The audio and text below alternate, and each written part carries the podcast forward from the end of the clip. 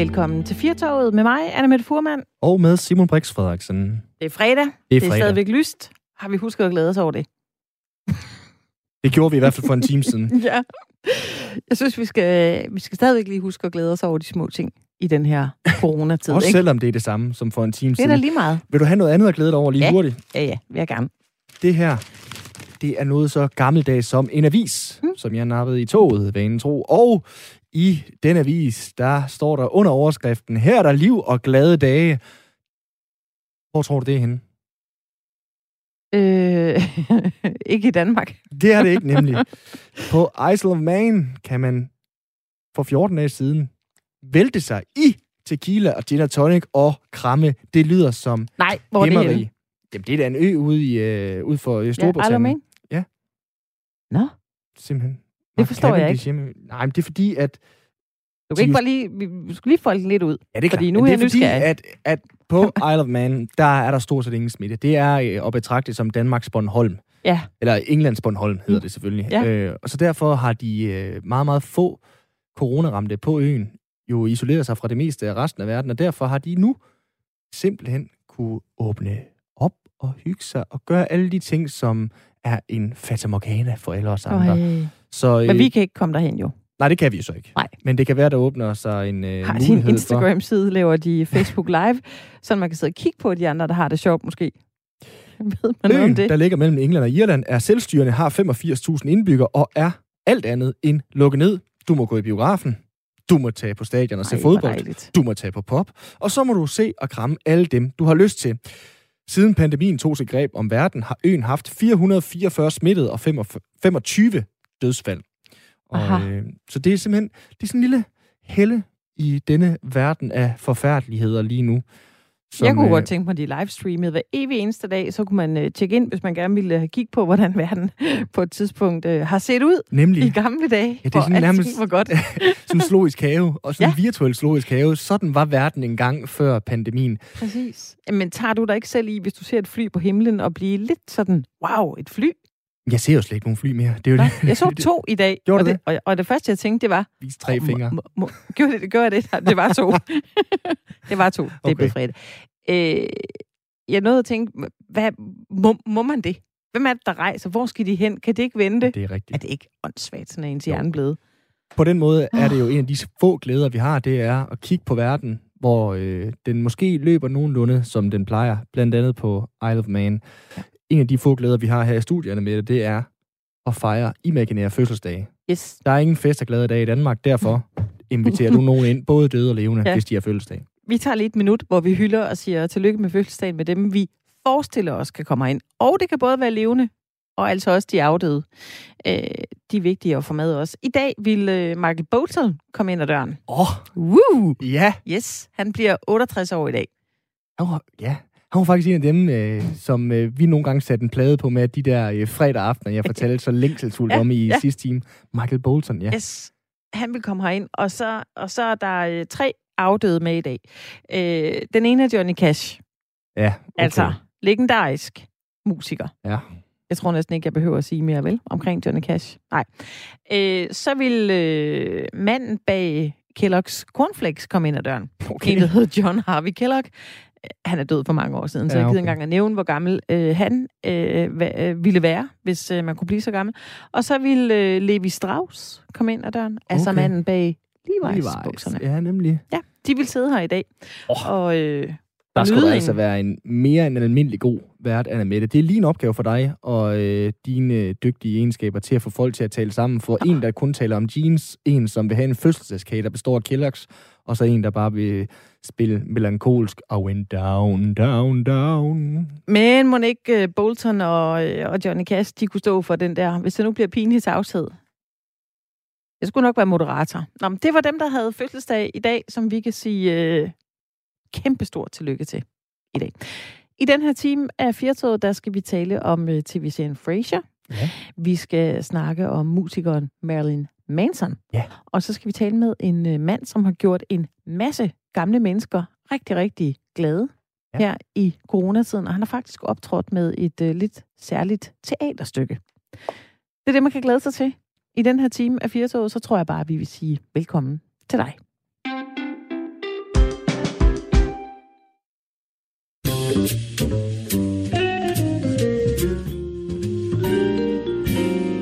I think about pop psychiatry? Yes, I know what you think about everything. When was the last time you had an unexpressed thought? I'm having one now. Hey, baby, I hear the blues are calling. Toss salads and scrambled eggs. Oh, my. And maybe I seem a bit confused. Yeah, maybe, but I got you pegged. Hvis der er nogen, der sidder og tænker, er det der ikke fra tv-serien Frasier, så er det rigtigt. Det er introen til tv-serien Frasier. Det er nemlig sådan, at øh, Frasier er en af de øh, tv-serier fra 90'erne, som man vil øh, reboote. Der har været øh, flere serier, man har forsøgt sig med af de her 90'er-serier. Beverly Hills 90210. Vi håber alle sammen på, at Friends kommer tilbage, eller nogen gør. Jeg gør. At den håber jeg virkelig på kommer Ja, tilbage, men samtidig er det også sådan helligbrød, så jeg er lidt bange for, at der skal røres ved. Hvordan har du det med, at Fraser nu skal... Jamen, det er jeg øh, totalt op og, øh, og køre over. Altså, du er ikke bange det for, at jeg- det bliver noget lort? Nej. Okay. Jeg ved ikke, om du synes, at det er en god eller en dårlig idé, Kim Sørensen, men øh, velkommen til programmet. Tak skal du have. Dig fra Vi Elsker serier. Og øh, lige til at begynde med, så kan jeg da spørge, hvordan er dit forhold til Frasier? Jamen altså, øh, nu har jeg jo... Uh, nu bliver jeg sikkert lynchet, men jeg har faktisk aldrig set så vanvittigt meget Frasier. Det, øh, det må jeg nok ærligt erkende. Øh, så det er en, det er en serie, jeg har misset ud på. Jeg skal da være ærlig om, den har tit kørt i baggrunden, og jeg har fundet den hyggelig, men jeg har aldrig været særlig meget inde i universet. Men det ved jeg, at der er mange af mine som vi elsker serier, der har. Så, øh, så der ved jeg, at det var noget af en nyhed, da det blev brækket, at, øh, at, at den kommer tilbage. Så på deres vegne er det godt. Ja, jeg skulle lige til at sige, øh, tror du så, at... Altså, det er jo altid sådan lidt en, en dealbreaker, om noget bliver en succes eller ej, men tror du, at Frasier har, har det, der skal til for at blive en succes? Jamen altså, det, uha, det afhænger af, af mange ting. I virkeligheden så er det jo subjektivt. Altså fra at den kommer ud og så til de første anmeldelser tigger ind, så kan man jo hurtigt få sig en vurdering af, om det var godt eller skidt.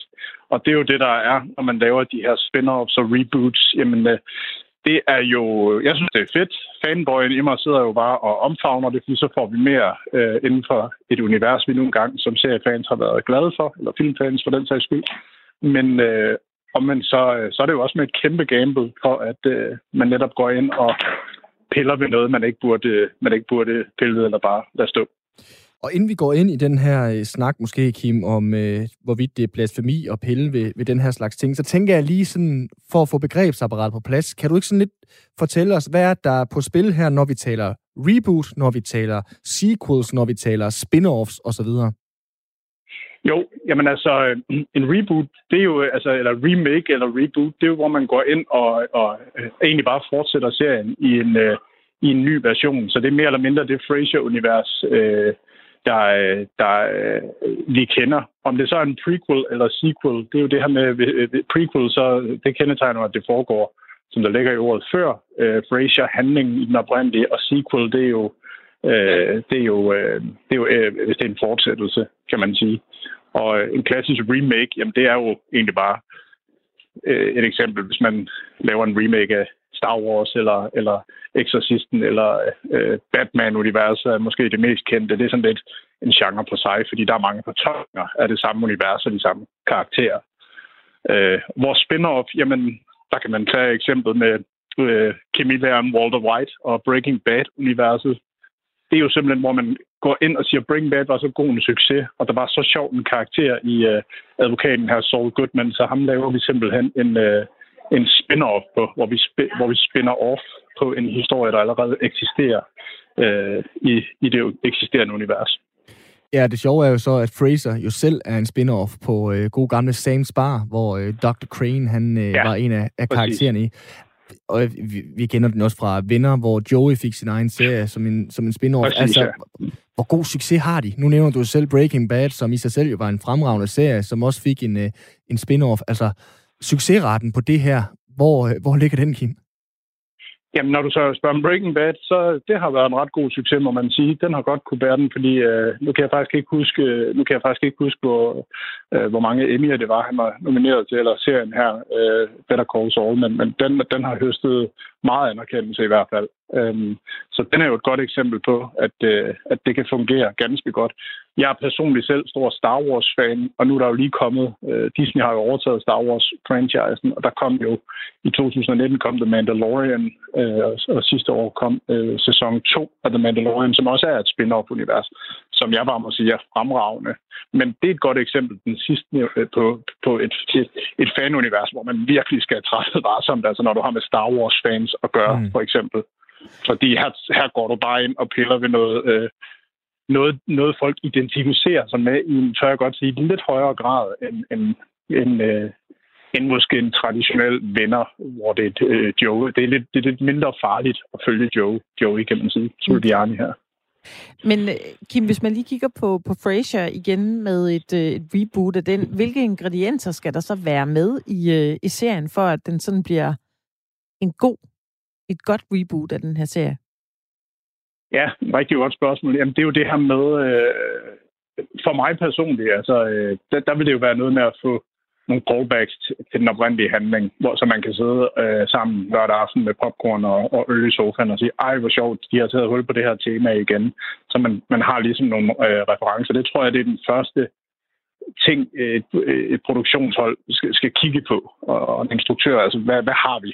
Hvad skal vi ind og røre ved, og hvad er en dødssynd, hvis ikke vi, vi, vi går ind og rører ved øh, af elementer fra den oprindelige øh, handling. Øh, hvor lige den kontekst, så kan du nævne, jeg er også vild med, med Twin Peaks-universet, øh, der havde du jo en autør som instruktør, som David Lynch, som går ind og genskaber Twin Peaks The Return.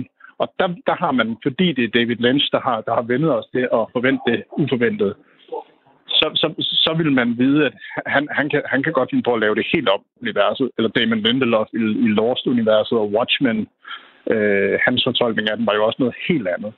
Øhm, så jeg tror, når vi snakker Frasier, bliver det nok mere ordinært. Der bliver det nok noget med at, at spille den lidt sikkert, tror jeg. Ja, og nu er det selvfølgelig et, øh, der er jo et økonomisk øh, take på det også, fordi de vil gerne have, have os, der så de her serier i 90'erne, til at byde ind igen, og selvfølgelig købe øh, abonnement på en streaming-tjeneste. Men mm. øh, hvordan er det egentlig gået med, med de andre serier, som har været rebootet? Altså, gider vi se dem? Øhm, ja, nu, er jeg ikke, nu kan jeg ikke lige sådan kode ned i øh, eksakte, eksakte tal, men, men ja, det gør vi. Øh, og, og, og typisk der, øh, Joey var jo en ganske øh, god succes. Kigger man på venner bare, øh, så er der faktisk lavet en, en øh, fornyelig analyse af, hvilke serier går vi mest øh, tilbage til. Og, øh, og venner er faktisk den serie, hvor vi øh, går ind og hopper tilbage til, til, til sådan øh, en serie. Så, så det er jo også sådan nogle ting, man kigger på for at vurdere, om en, en reboot, øh, om den kan bære en, en reboot. Øh, men om vi så ligefrem gør det samme med, øh, med, øh, med Joey, det har jeg faktisk ikke talt. Det, det ved jeg faktisk ikke. Øh, så så det, der må jeg være svar skyldig. Men det kunne jeg godt forestille mig, at man, øh, man øh, hvis den får god medvind, at man, man har succes med. Og men så, så er det jo en anden tid nu. Brazier blev jo sendt en gang. Øh, jeg kan ikke huske, hvornår det kom. Men det var jo, hvor valgmulighederne ikke var så store. Mm. Når der så er det her ekstreme udvalg af streamingtjenester øh, og den høje frekvens, der er af tv-serier, øh, så er det også bare en anden verden, og man, man, man, man, man er villig til at sætte for læs. Man har slet ikke samme krav, og det kan man ikke have til, øh, til antal abonnenter, man kan værve på baggrund af en reboot. Så det er nogle helt andre Øh, der er nok også noget PR-værdi øh, i at være den streamingtjeneste, der har den her mm. reboot. Øh, ja. Kim, tror du, det her det kan gøre skade på, hvad kan man sige, ophavet? Øh, altså, vi har jo også set en serie som 90-210 øh, forsøgt rebootet for nogle år siden. Øh, nu snakker vi om Joey. Venner var det en spin-off på. Fraser var en spin-off på, øh, på øh, Sands Bar. Altså, kan, det, kan de være så dårlige, de her reboot spin-offs, at de også ødelægger noget for den gamle serie? Eller vil det altid have den der nostalgi-glans øh, over sig? Det er, også, det, det er et rigtig svært spørgsmål at, at svare på, og jeg må svare rent subjektivt. Jeg tror godt, jeg kan adskille det, fordi øh, når man kigger på det som... Øh, en ting er jo, hvordan man kigger på det som, som øh, fan, øh, og hvordan man kigger på det med nøgterne øh, anmelderbriller. Jeg kan sagtens adskille det, altså sige, det, det, det er bare øh, to takes på øh, produktionen. Batman har også været lavet i mange versioner, mm. og nogen afskyer folk, og nogen elsker øh, for eksempel den nye Joker, den var for dyster til Batman-universet. Det synes jeg overhovedet ikke. Den var mm. fremragende. Så det er meget subjektivt, men, men man skal passe på. især når du har med, altså nu nævnte, den er lige tilbage til Star Wars øh, fra en kort bemærkning. Ja. Der var jo en karakter, der hed Jar Jar Binks, hvis man husker ham. Åh, ja. Øh, ja. Altså, det er sådan noget, hvor man siger, det var jo ikke for sjov, at folk så sagde, gud, han er irriterende. At folk boykottede det. Altså, det bliver meget ekstremt lige pludselig. Mm. Øh, måske også næsten for ekstremt, men, men der er bare nogle universer, hvor, hvor hvis man skal lave sin, sit forarbejde ordentligt, så skal man jo gå ind og sige, okay, hvad er det lige, vi gambler med Fraser her? Jeg, jeg nægter at tro, at den kan få så hård øh, medfart, hvis den ikke lykkes. Men det er den risiko, man løber, det er bare, at man siger, øh, eller man kan være heldig, at folk siger, jeg elskede det gamle Fraser. Det nye, det var ikke noget for mig. Det er jo sådan, vi har det med Beverly Hills. Det gamle var banebrydende. Det nye, det var sådan lidt ligegyldigt. Det er jo ikke noget, jeg føler Mm øh, personligt, eller tror at helt overordnet set har skadet den gamle serie. Åh, oh, det er fandme sjovt, den her snak nu. Jeg er jo også øh, Star Wars-nørd, øh, men jeg er jo så ung, at de første Star Wars-film, jeg sådan for alvor stiftede bekendtskab med i biografen, det var jo The Phantom Menace, altså den usynlige fjende, hvor Jar Jar Binks Ah, ja. Så jeg synes jo, han var sjov. Det var jo først bagefter, at jeg fandt ud af, at der var nogen, Ja, ja. der syntes, at det var at gøre vold mod hele Star Wars-universet, at der var den her karakter som comic relief og så videre der. Og nu kan jeg jo godt se sådan retrospektivt, gud, hvor var det latterligt, at han var med.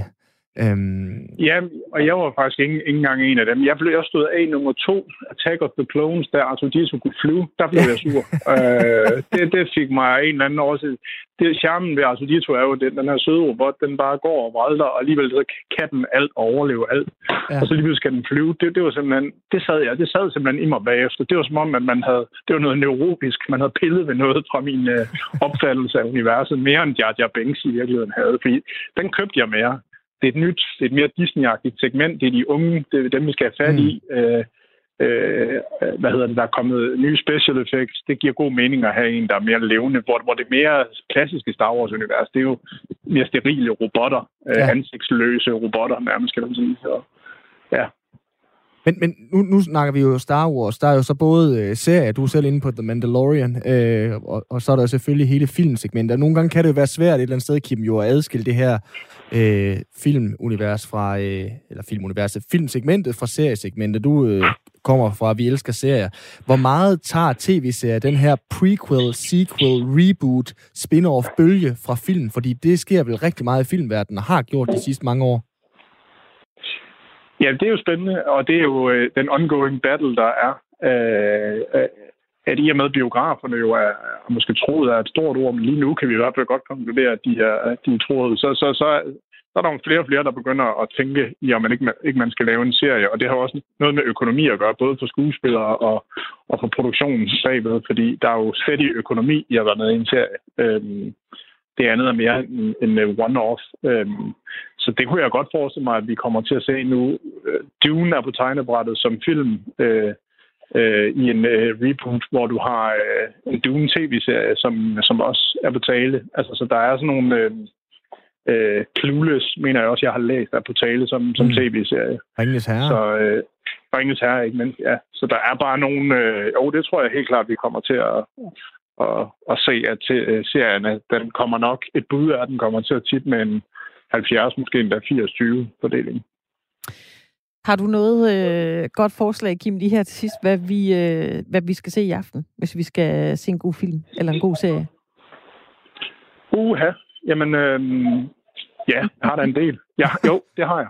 Ja, jeg har, øh, kom med nu den. nævnte du jo, øh, øh, hvad hedder det, øh, nu nævnte du jo øh, Star Wars, og øh, hvis ikke man har set Watchmen, det er jo godt, den er godt nok gammel, øh, det sagde øh, Damon Lindelof, så vil jeg anbefale, at man, man kaster sig over den, netop, øh, og det er i relation til det her. Fordi nu synes jeg er interessant i forhold til det her med spin-off-universer. Ah. Zack Snyder lavede en Watchmen-udgave. Det er jo oprindeligt en gammel øh, øh, Alan Moore-tegneserie. Øhm, og der er det sjovt at se det her take, der er meget anderledes, nærmest med en forskellig perspektivering på handlingen i hvert afsnit. Så den kan jeg anbefale, hvis man, hvis man også er til, jeg ved ikke, måske Star Wars er måske ikke den rigtige sammenligning, men den er meget ude i det her øh, øh eventyrlige øh, med, med, med politiske undertoner også. Øhm, så vil jeg anbefale helt personligt en en lille øh, guld i gemmerne, der ligger på HBO Nordic i form af en serie i seks afsnit, der hedder It's a Sin, som er fuldstændig fremragende. Jeg Er det den, der har fået Pet Shop Boys nummer til at gå helt øh, grattat i downloads? Det gamle Ja. Pet Shop Boys nummer, It's a Ja, Sin. præcis. Ja. en ting er, at den er jo vanvittig, den er hjerteskærende øh, hård at se, øh, men den er fremragende. Det er et mesterværk simpelthen. Og musiksiden, altså alene det, jeg gætter på, den har kostet i soundtracks. Altså, vi, vi snakker Duran Duran, vi snakker øh, Pet Shop Boys, øh, NXS. Altså, det er bare... Øh, man bliver samtidig øh, virkelig revet med, sådan, både af stemningen, men også af, hvor hård den er. Den kan jeg virkelig anbefale, øh, at man kaster sig over. Så øh, i action-genren, så er der lige kommet sæson 4, også på HBO Nordic, af en, øh, som jeg har som lidt som guilty pleasure. Der er ikke rigtig nogen, der, der ser den her i Danmark desværre, men den hedder Snowfall. Den er fremragende. Det er sådan en historie om, om øh, hvordan Kraken fandt vej til Los Angeles. Øh, Hvor kan man se øh, den henne? Sagde du? Den er på HBO Nordic, og det er fire sæsoner, så der er noget at gå i gang med fra start af. Men den er simpelthen fænomenal. Øhm. Tak for det, Kim. Det var nogle øh, gode anbefalinger. Der er jo, øh, det er jo altid sjovt at spille lidt øh, streaming bingo, når man spørger, hvad skal jeg du se? Fordi nogle gange er det umuligt at vælge, hvad man skal kaste sig over. Jamen, det er det. Også for os andre. ja. tak fordi du var med her i programmet. Jamen, selv tak, og god weekend. I lige måde. Kim Sørensen fra Vi Elsker Serier altid godt lige at få nogle anbefalinger. For jeg synes, det er umuligt at vælge. Er det ikke rigtigt? Jamen, jeg ved og sidder altid der og kigger de og der... tænker, hvad skal jeg nu sætte på? Hvad skal jeg nu sætte på? Hvad for en serie? Så spørger mig lidt på Facebook og spørger det, hvad skal vi nu se? Det er jo, det er jo synd for øh, Kim, som vi lige har haft med, som er både klog og begavet. Men jeg kan nærmest ikke overskue sådan nogle anbefalinger der, fordi det er så fucking meget at gå i gang med. Altså, så det ender altid med, at jeg øh, i ren nostalgi, apropos Fraser, måske går i gang med at se noget, jeg allerede øh, har set med, med benene op. Det er jo fredag. nu kan du kaste dig ud i øh, et sin, blandt andet, som, øh, som øh, Kim han foreslog her. Nu skal vi til noget helt andet. Vi skal til musikken. Vi skal tale om øh, Marilyn Manson.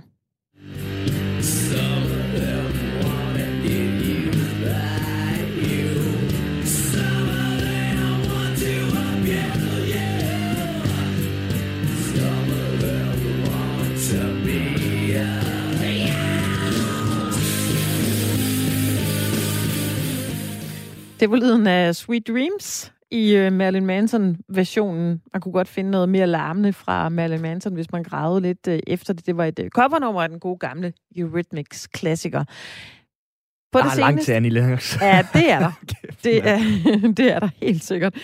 På det seneste, der har uh, den larm, der har været omkring rockmusikeren Marilyn Manson, eller Brian Warner, som han hedder i virkeligheden, den har ikke været uh, musikalsk men i stedet øh, et kor af kvinder, der fortæller, at han har udsat dem for en ubehagelig perlerække af meget grænseoverskridende og nedværdigende, kontrollerende og voldelige episoder.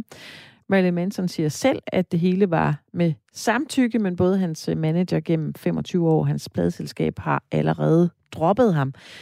Tidligere i dag, der øh, talte vores øh, gode kollega, Svend Lund Jensen, med musikanmelder på Politiken, Pernille Jensen, der har skrevet et essay i politikken med titlen Jeg har genlæst Marilyn Mansons selvbiografi. Det var klam læsning.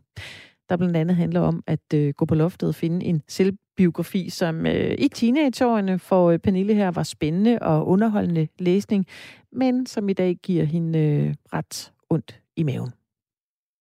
Pernille Jensen, musikanmelder på øh, Politikken. Vil du som mor til der selv, altså Pernille Jensen, 15 år, der, der dengang i, i slut 90'erne lyttede til Marilyn Manson, ville du lade dig selv lytte til den slags musik med det, vi ved i dag? Ja, det vil jeg. 100 procent. Øhm, jeg synes, at øh, jeg synes, man skylder sine børn og, øh, og lade dem øh, gøre deres egne erfaringer. Øhm, jeg bilder ikke mig selv ind, at jeg kan lade, lade mine børn gå, gå igennem livet uden at, øh, uden at slå sig. Øh, og det er jo det, som øh, mange oplever øh, er sket med for eksempel Marilyn Manson i dag.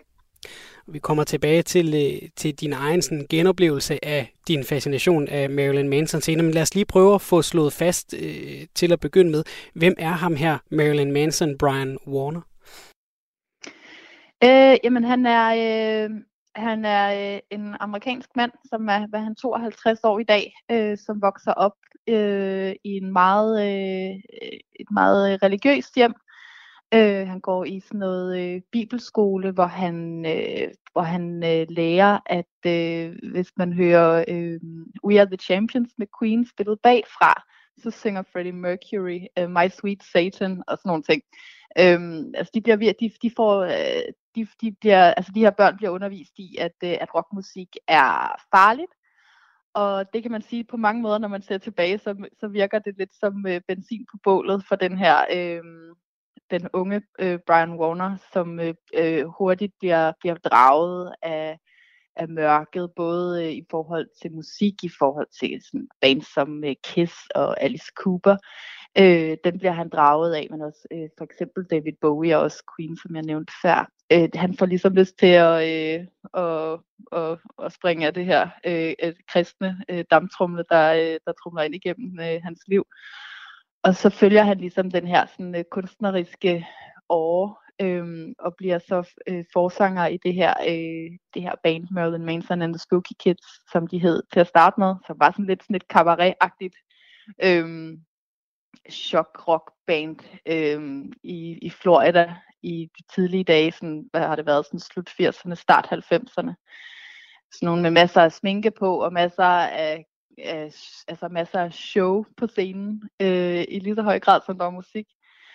Øhm, og det er så med øh, det band, øh, som så senere bare bliver til Marilyn Manson, at han øh, bliver øh, en rigtig, rigtig stor stjerne og en, øh, en meget markant figur op igennem øh, 90'erne øh, på den alternative øh, rockscene. Og nogle gange, når, når de her sager kommer ud om, om store stjerner i Hollywood eller inden for musik, så kan man ryste lidt på hovedet og sige, nå ja, han var der med i den film, jeg så engang.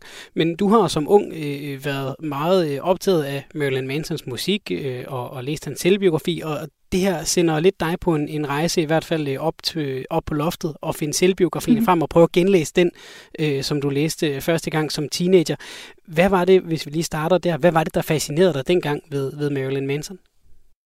Jamen altså, for mig var han sådan ligesom det perfekte teenage soundtrack, fordi han blåstemplede det og, og, og ligesom føle sig anderledes.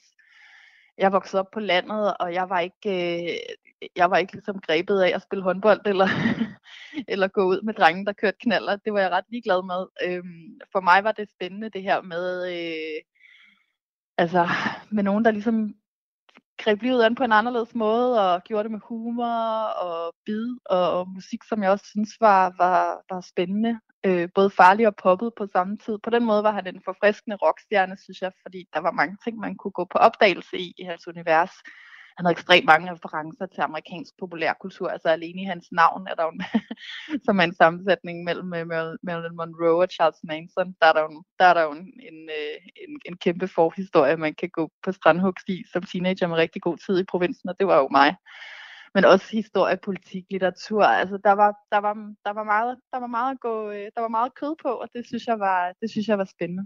Var der nogen reservationer eller hvad kan man sige, købte du bare hele pakken og, og, og købte ind på, øh, på, på den her øh, fortælling, og også de mørke sider af det?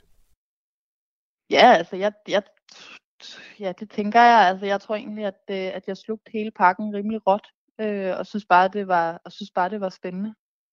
Men jeg var jo også altså 15-16 år, så det var jo heller ikke fordi, at jeg var sådan mest reflekteret menneske i hele verden. Jeg synes egentlig bare, han var, øh, jeg synes egentlig bare, han var spændende.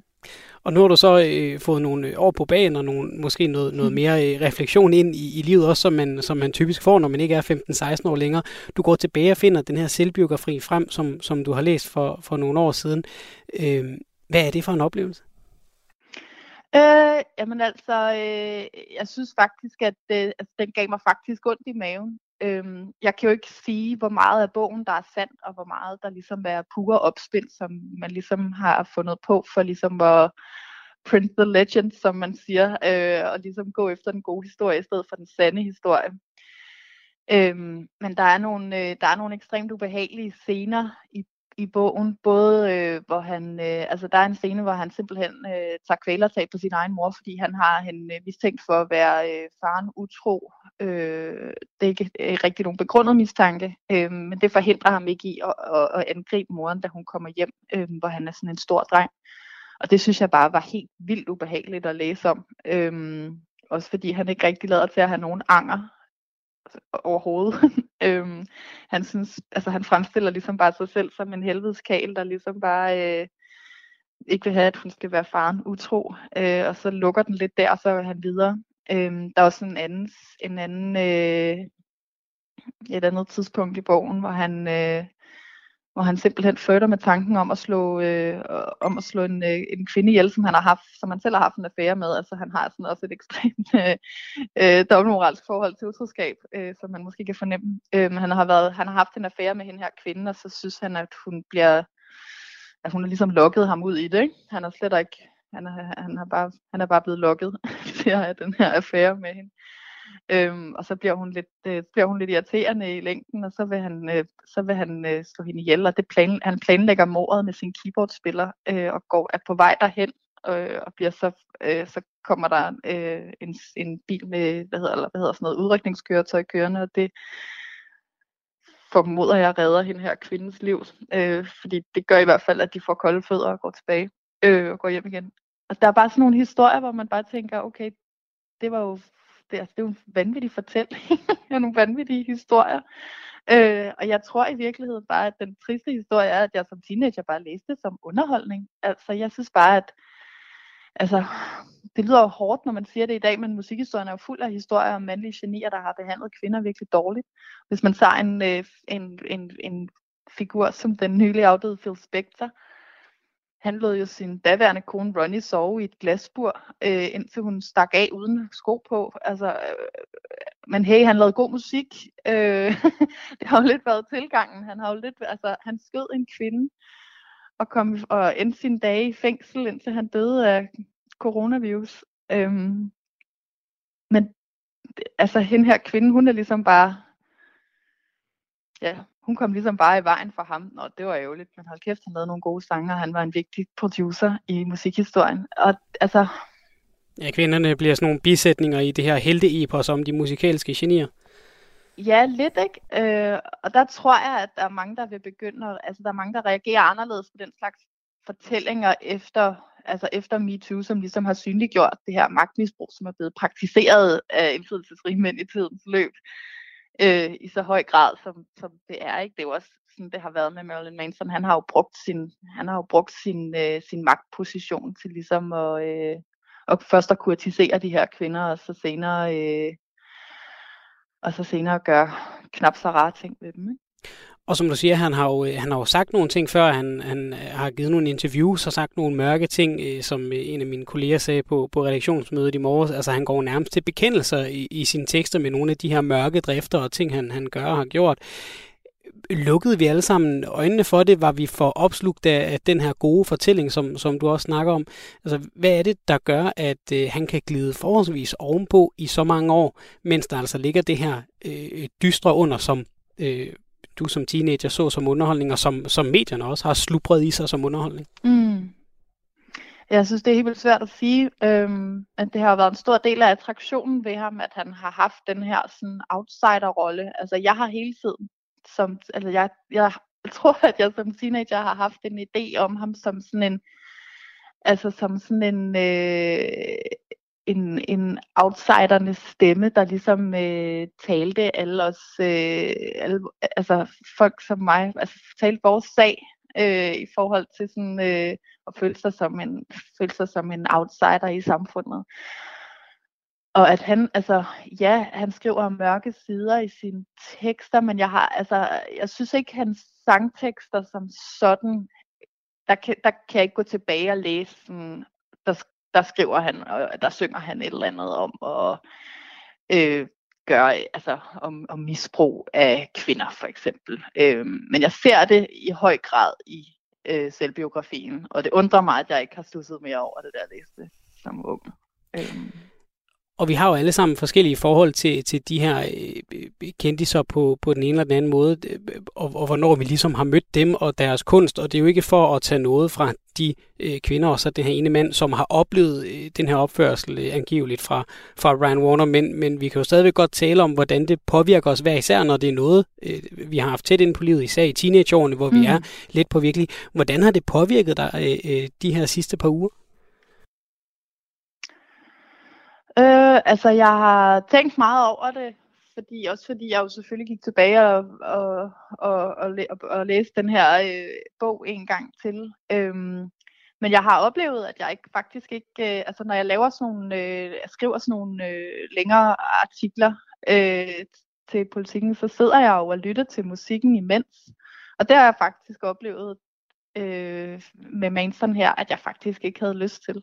Øh, at jeg synes, det var, der var også hele det ved det, at ja, når jeg lytter til Marilyn Manson i dag, så lytter jeg jo ikke til mine gamle CD'er, for dem har, altså, de ligger også op på loftet, så lytter jeg jo til ham på Spotify.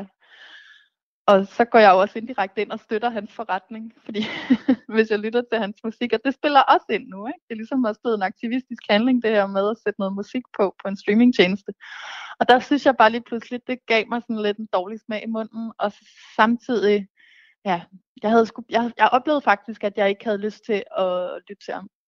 Og det kom faktisk bag på mig, at, øh, det, det, at, det, at det, øh, det stak så dybt er den ved at rykke sig lidt, den her diskussion om, om man kan adskille kunsten fra kunstneren? Altså, vi har jo haft det før med, med Michael Jackson og Kelly, og så har vi haft øh, nogle år med, med MeToo, hvor det har rykket og rykket og rykket øh, de senere år.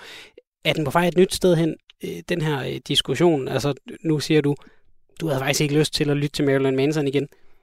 Mm.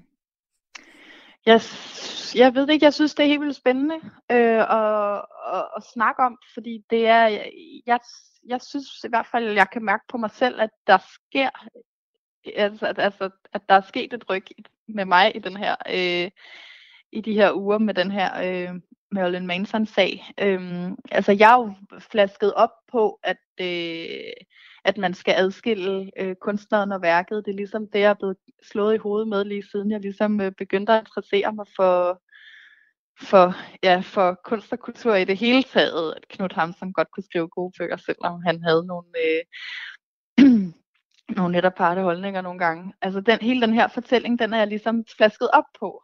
Og den kan jeg bare mærke, at jeg, at jeg måske begynder at, øh, at have det lidt anderledes med. Men øh, jeg kan også mærke, at det er en øh, diskussion, som ikke er færdig endnu, og som øh, jeg heller ikke selv er 100% afklaret med. Men hele den her Manson-historie, den kom i hvert fald meget, meget tæt ind på livet af mig, synes jeg.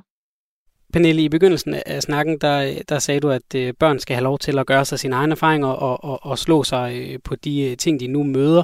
Hvis nu din datter kom hjem og sagde, mor, jeg har lige fundet Marilyn Manson på Spotify. Wow, hvor er det godt. Hvorfor har du aldrig fortalt mig om det? Det er lige sådan, jeg går og har det. Vil du så hæfte noget øh, på i begyndelsen af den snak om det, vi ved nu? Ja, det tænker jeg da. Altså, det vil nok... Nu er hun fem år. Der er lidt tid Jeg tror ikke, det kommer nok forhåbentlig ikke lige til at ske lige i morgen. Øhm, så jeg håber, der går lidt mere tid. Men hvis hun har en alder, hvor, man, hvor jeg føler, at hun er i stand til at forstå altså den kompleksitet, som også er i hele den her fortælling, så synes jeg da, at det er noget, man som forældre øh, skylder sine børn at tale om. Altså sådan ville jeg jo også have det, hvis, øh, hvis hun ja, nu nævnte jeg Phil Spector før, men altså, der er jo, der er jo, øh, der er jo ekstremt mange, øh, der er jo ekstremt mange eksempler på det efterhånden. Øhm, og altså, det skylder jeg da, synes jeg da, at vi skylder øh, vores børn at, og tale med dem om, at, øh, at, at mennesker er, gør dumme ting nogle gange. Og øh, ja, og det, de også nogle gange godt kan lave god musik. Altså, det er jo også det, er jo det der er så svært ved det, ikke? Ja, det er pokkers irriterende, ikke? det er skide irriterende. Men der ligger nogle gode snakke i det, og det synes jeg, øh, altså, jeg vil ikke sige, at jeg håber, at hun kommer hjem og hører Marilyn Manson øh, lige forløbig, men, øh, men øh, jeg står klar med en stor kande te, hvis hun gør det en dag. Pernille Jensen, musikanmelder på Politiken. Tusind tak for at være med her. Jamen, det var da så lidt. Velkommen. Og det var vores kollega Svend Jensen, der havde talt med øh, musikanmelderen på Politiken, Pernille Jensen, om Marilyn Manson rockstjernen, som øh, for nylig blev anklaget, anklaget undskyld, for en øh, række grove overgreb og øh, også grænseoverskridende adfærd over for sine ekskærester. Så skal vi til noget øh, gadeteater på plejehjem det øh, er det lyder muligvis ikke den... som noget, jeg godt gider at høre om. Ja, det er ikke den øh, kombi, man plejer at høre i sammensætning, de ord. Men øh, Tommy Nielsen, som er skuespiller fra Teatermagistraten i øh, Silkeborg, han har modtaget, øh, eller han har modsat mange andre i branchen meget travlt Han mm. turnerer rundt med forestillingen Husker til plejehjemmene, hvor øh, alting foregår udenfor. Det er coronavenligt, og øh, hvordan det så kan lade sig gøre i en tid med øh, lockdown og restriktioner, det skal vi tale med dig om nu, Tommy. Velkommen til. Tak skal du have. Var det egentlig af lyst eller nød, at øh, du begyndte at turnere med, med den her forestilling Husker? Altså, vi har hele tiden haft øh, programsat, at vi skulle udvikle en teaterforestilling til, øh, til demente. Der findes ikke rigtige teaterforestillinger, som, som arbejder med den særlige ramme, det er at lave noget til demente. Så det har vi hele tiden haft på, på tapetet. Men at vi skulle rykke øh, den produktion to tre år før, det, øh, det havde vi ikke regnet med.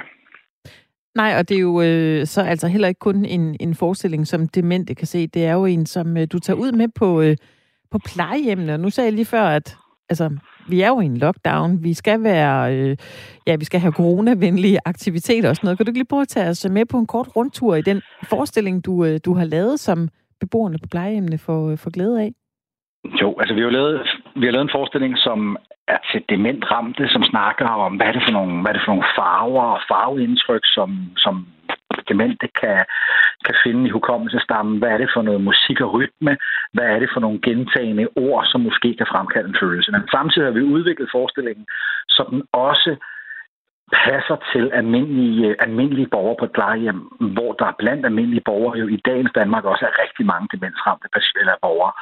Øh, forestillingen foregår på den måde, at vi har taget teknologien fra Silent Disco, altså de her trådløse høretelefoner på, som vi alle sammen har stået på en festival eller en markedsplads på en eller andet tidspunkt, og rocket med på den knaldrøde gummibåd og en dårlig DJ. De høretelefoner har vi sat på en ekstra forstærker, og så afspritter vi dem her. Det koster os mellem 3 og 5 kroner, hver gang vi spritter en høretelefon af med særlige servietter. Og så sætter vi en kasse, alle høretelefoner tændt, så tager plejepersonalet de her høretelefoner indenfor. De er tændte, de går ikke i høreapparatet, og så er alle beboere, alt efter hvor vi er, sat øh, frem til vinduer. Det kan være glaspartier ved, øh, ved indgangspartier. Meget nyt plejehjemsbyggeri har altid nogle glasgange, og så spiller vi på den modsatte side af gangen øh, af glasset. Så vi er helt tæt på, men stadig på en sikker afstand med glas imellem os. Og, øh, og så var forestillingen 40 minutter, og, øh, og vi er i ørerne på, på beboerne. Der er også nogle plejecenter, hvor der er nogle beboere, som er så dårlige, eller faktisk er i corona-isolation, hvor at høretelefonerne bliver bragt ind til dem. Så har de ikke det visuelle med, men, men hele den, den audiovisuelle del med af forestillingen. Men Tommy, hvordan, øh, hvad handler den her om? Altså, nu sidder de med de, deres øh, øretelefoner på, de kan høre, øh, hvad der bliver sagt og spillet. Hvad, hvad går forestillingen ud på? Forestillingen går ud på, at vi spiller... Vi har to forestillinger. Vi har Husker søndag, og vi har Husker onsdag. Og den handler om en ganske almindelig onsdag, som en onsdag vil se ud hjemme hos dig. Det vil sige, at øh, til at starte med, så bliver folk budt velkommen i teateret, og øh, der har vi fået Poul Nyrup med, så Poul Nyrup, han øh, sender en hilsen til alle de her plejehjemsbeboere. Poul Nyrup, hvordan stemme. er han med? Jamen, Poul Nyrup, altså vi, vi, øh, vi tog fat i Poul Nyrup og sagde, prøv her, Poul, vi skal ud og spille de her forestillinger på plejehjem. Øh, vi skal bruge en stemme, som uanset hvor dement man er, så går vi ud fra, at man kan genkende den stemme. Mm. Og det tror din stemme kan. Så vi har Paul med, så Paul byder simpelthen de her ældre velkommen i teater og ønsker dem en god fornøjelse. Og det skaber ligesom den der teatralske stemning, og, og de føler, at nu kigger de ikke bare ud af vinduet på en almindelig hverdag. Og så spiller vi en onsdag. Og det starter med, at klokradioen starter med spiller, og klokradioen tænder, og der har vi haft nogle, nogle, en, en radiospeaker indover og spike øh, øh, morgenhymnen og sige, godmorgen, klokken er i udenfor i dag, er det dejligt vejr. Vi starter med, og så starter vi med, øh, i onsdagsudgaven starter vi med, det er i dag et dejligt vejr med Kim Larsen. Og den starter så, og så beder jeg publikum om at synge med. Og så er det nærmest som om, vi har fællesang øh, med, med Philip Faber. Og så synger vi, øh, mm. så synger vi, øh, så synger vi Kim Larsen. Og når Kim Larsen så er slut, så kommer der et stykke poesi, der specielt er skrevet til forestillingen, som og gentages. Så det kunne være øh, den kan om aftensmad, så vil poesien hedde øh, Nede i fru Hansens kælder kan man købe frikadeller. Det ved vi alle sammen. Men hvad de færreste af os ved, er, at min gamle mormor, fru Nielsen, hun vidste, hvordan man laver farsen, uden at frikadellerne de skilte. Man skal bruge 500 gram hakket svin, eller som min mormor sagde, brug kalv og flæsk, ellers giver slagter Olsen der tæsk. Få hakket løjet og få tårer i øjet, Slå ægget i, husk salt og peber. Lidt mælk skal der til, og glem ikke mel, som får det hele til at ske. Og til sidst rør farsen lind. Ellers tror folk bare, du er blevet blind. Så arbejder vi simpelthen med en, en fælles hukommelse, som alt efter hvilken demensgrad man har, men også som en ganske almindelig borger, der er på et plejehjem, som ikke har demens, kan tale ind i, nemlig skabelsen af en frikadelle. Det kunne så fortsætte med, at man sagde, til aftensmad skal vi have koteletter. Det er jeg så ked af, for jeg er så glad for tarteletter. Høns i spars havde også været rart, men kylling i karri gør mig arg. Millionbøf er svært at lave, hvis man er en fattig røv. Derfor er jeg begyndt at spille lotto med min kammerat Otto. Og sådan er der egentlig poesi, der binder alle de her sådan forskellige klassiske musiknumre sammen, som alle har en referenceramme til. Ikke? Alle har en, man kan jo ikke gøre for, man har charme og sprog i forbindelse. Og, øh, og nogle gange, så tror publikum på den anden side, at det er mig, der synger. Det er selvfølgelig problematisk, når det er Eva Madsen og mormors kolonihavehus, vi spiller.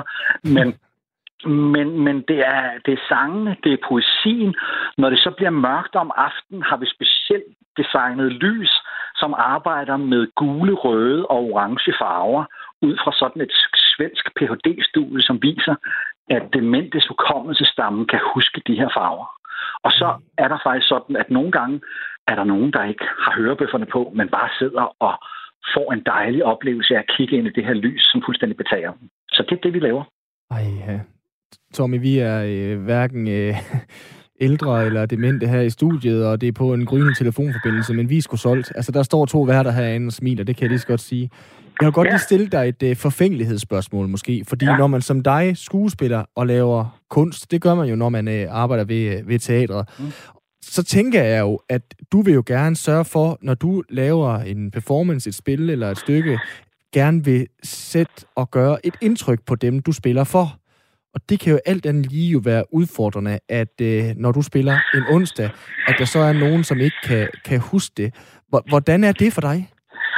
Jamen, det der er jo er det interessante her er, at øh, da vi startede med at spille de her forestillinger, der skal jeg være ærlig indrømme, de første 10 forestillinger, vi har spillet.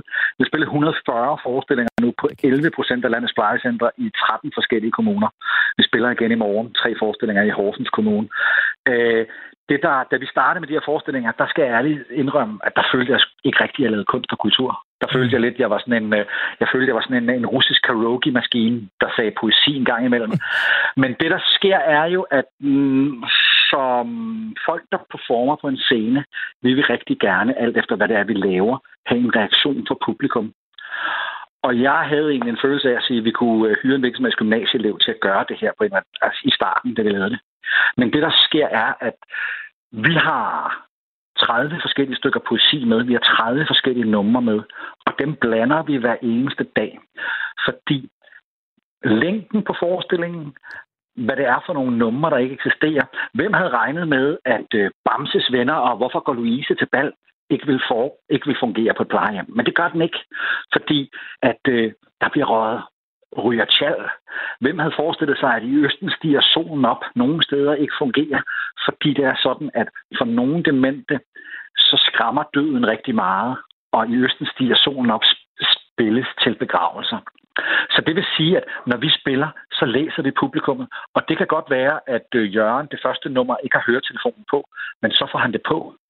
Og han ikke danser, ligesom nogle af måske de andre gør, på den anden side af vinduet, men lige pludselig så begynder han at bevæge fingrene. Mm. Og lige nu der kan vi se, at han bevæger fingrene. Så er der en, der sidder her. Øh, vi sagde, da vi gik i gang med det her, at øh, vi skulle starte med at lave 60 forestillinger. Da vi startede, sagde vi, at succesrammen her var, hvis vi i løbet af en forestilling kunne få en glæde eller en hukommelsestår i øjet på en af publikummerne. Og da vi spillede den første dag, så havde vi haft syv eller otte fordelt på fire forestillinger, der havde mm. gjort det. Og det er jo sådan at sige, vi taler ind i en ramme, og når vi oplever plejepersonale, der siger, prøv her, i tre år har vi kunnet se, hvordan det er gået nedad med Inger. For første gang i rigtig lang tid deltog Inger i en aktivitet. Og de her høretelefoner har vi jo ikke sat på hovedet af ældre ud af det blå. Der findes øh, australsk forskning, som viser, at hvis du propper sådan silent disco eller høretelefoner på demente, så skærmer man dem, så sådan udadreagerende demente, der er ramt på frontalklappen, så normalt sådan, siger høje lyde og sådan nogle ting, begynder at slappe af. De ældre deltager meget sjældent i fællesskabsaktiviteter på plejehjem, fordi de fylder så meget for alle de andre. Men ved at de får hørebøfferne på, så slapper de af. Og for os, så det er jo det, der er bonusen, så vi er jo gået fra at gå og vente på applausen til at sige, når vi står den, øh, vi har spillet den en julemandsudgave, ikke? den 24 december stod jeg på et demensplejecenter i Klovborg alle steder. Og der stod julemanden og dansede med en ældre dame, som normalt ikke rigtig bevæger sig. Og hun stod på den anden side af ruden, så sådan med 5 cm forskel til ruden, så stod julemanden og den her ældre dame og dansede sammen. Og hun deltager aldrig i fællesskabsaktiviteter. Det er meget mere givende end, øh, end alle alverdens applauser. Det vil, så, så ja, så hvis det er svar, så håber jeg, det er det. Det lyder fantastisk, øh, Tommy. Jeg får lyst til at se den forestilling, faktisk. den, lyder, øh, den lyder på alle mulige måder, som en, øh, man godt kunne opleve i, i en virkelig udgave. Kan du have en, en fortsat god dag, og tak fordi du var med her i programmet. Jo, selv tak. Og i måde. God weekend. Hej. Hej. Det var Tom Nielsen fra Teatermagistraten i Silkeborg, som altså tager ud på plejehjem og øh, laver den her forestilling, der hedder Husker. Ja, tak fordi han gad være med, sagde du til ham. Tak fordi han gør det. Ja, da i den Hold nu grad. kæft, mand. Det er da fantastisk, når man tænker på, hvad det er for en situation. Og nu kan det godt være, at øh, man har lyst til næsten at stikke to fingre i halsen over at høre snak om øh, corona og øh, alt muligt, men det her, det er da øh, lys i coronamørket på et af de steder i vores land, der har aller, aller mest brug og behov for ja. det. Altså, Ja. Hold nu kæft. Jeg synes også, det er en meget god idé. Altså, det er jo godt tænkt, at de ældre kan sidde øh, foran en, en rude og kigge med, og så har de ørebøffer på, og så kan de høre noget musik, som de kan relatere til fra dengang de var unge. Øh, og så er det til at øh, forstå altså, følge musikterapi med. Og musik ja. er jo også sindssygt hot, og det er jo fedt at høre Tommy Nielsen, altså fra Teater Magistraten i Silkeborg, der jo også siger, at det her det bliver bakket op af forskning, det ene, det andet og det ja. tredje sted. Og så er det bare, at Tove eller Oda, hun øh, hører øh, en øh, Kim Larsen-sang, som hun måske har danset til, til et bal for øh, 100 år eftermiddag siden, og så rammer det bare. Så øh, uanset om du er på plejehjem, eller går i børnehave, eller hvad du gør, så øh, sæt noget godt musik på i aften, og så have ja. en forrygende weekend. Er det ikke budskabet herfra? Fuldstændig. Man kan jo tjekke ind og høre det nummer, der hedder, eller det program, der hedder Stusgade her på Radio 4. Vi har bare tilbage at sige god weekend.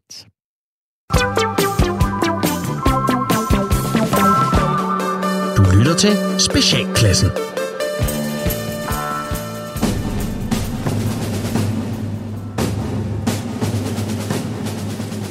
Velkommen til Dommedagsnyt med Preben Prepper Pedersen. Mit navn det er Prepper, og med mig der har jeg min ven og Sergeant Arms, Eric Hunter Simonsen. Sig hej, Hunter. Hey, hey! Dagens dommedagstal, det er i denne uge kravlet helt op på 82 procent, og det er faktisk på tide at begynde at bekymre dig lidt mere, end du plejer. I dagens program, der taler vi om begrebet sygdomsbekæmpelse i familien. Hygiejne og sygdomme, de går hånd i hånd. Hand in hand! Det er uundgåeligt, at familien den vil møde nye og hidtil udsete udfordringer i forhold til mangel på sæbe, tandpasta, rengøringsmidler og medicin. Så hvad gør du, når du står midt i et eget udbrud af diarré, forsaget af mangel på toiletpapir og et defekt kogeblus, samtidig med din ældste søn, han er begyndt at hoste og slå ud i ansigtet med noget, man bestemt ikke skal røre ved. Her er det vigtigt, at der er respekt om lederen af flokken, for det er dig, der skal tage beslutningen om, hvorvidt dit barn stadig skal ses som en ressource i familien, eller om han skal slås ned. Strike down! Ja, der er nemlig mange ting, der skal vægtes. For eksempel, er der stadig et følelsesmæssigt bånd mellem dig og dit barn, som du er nødt til at gøre op med? Er dit afkom et barn, der spiser mere, end det producerer? Måske er dit afkom en lille bangebuks, der ikke kan tige stille i det øjeblik, hvor der er allermest brug for det.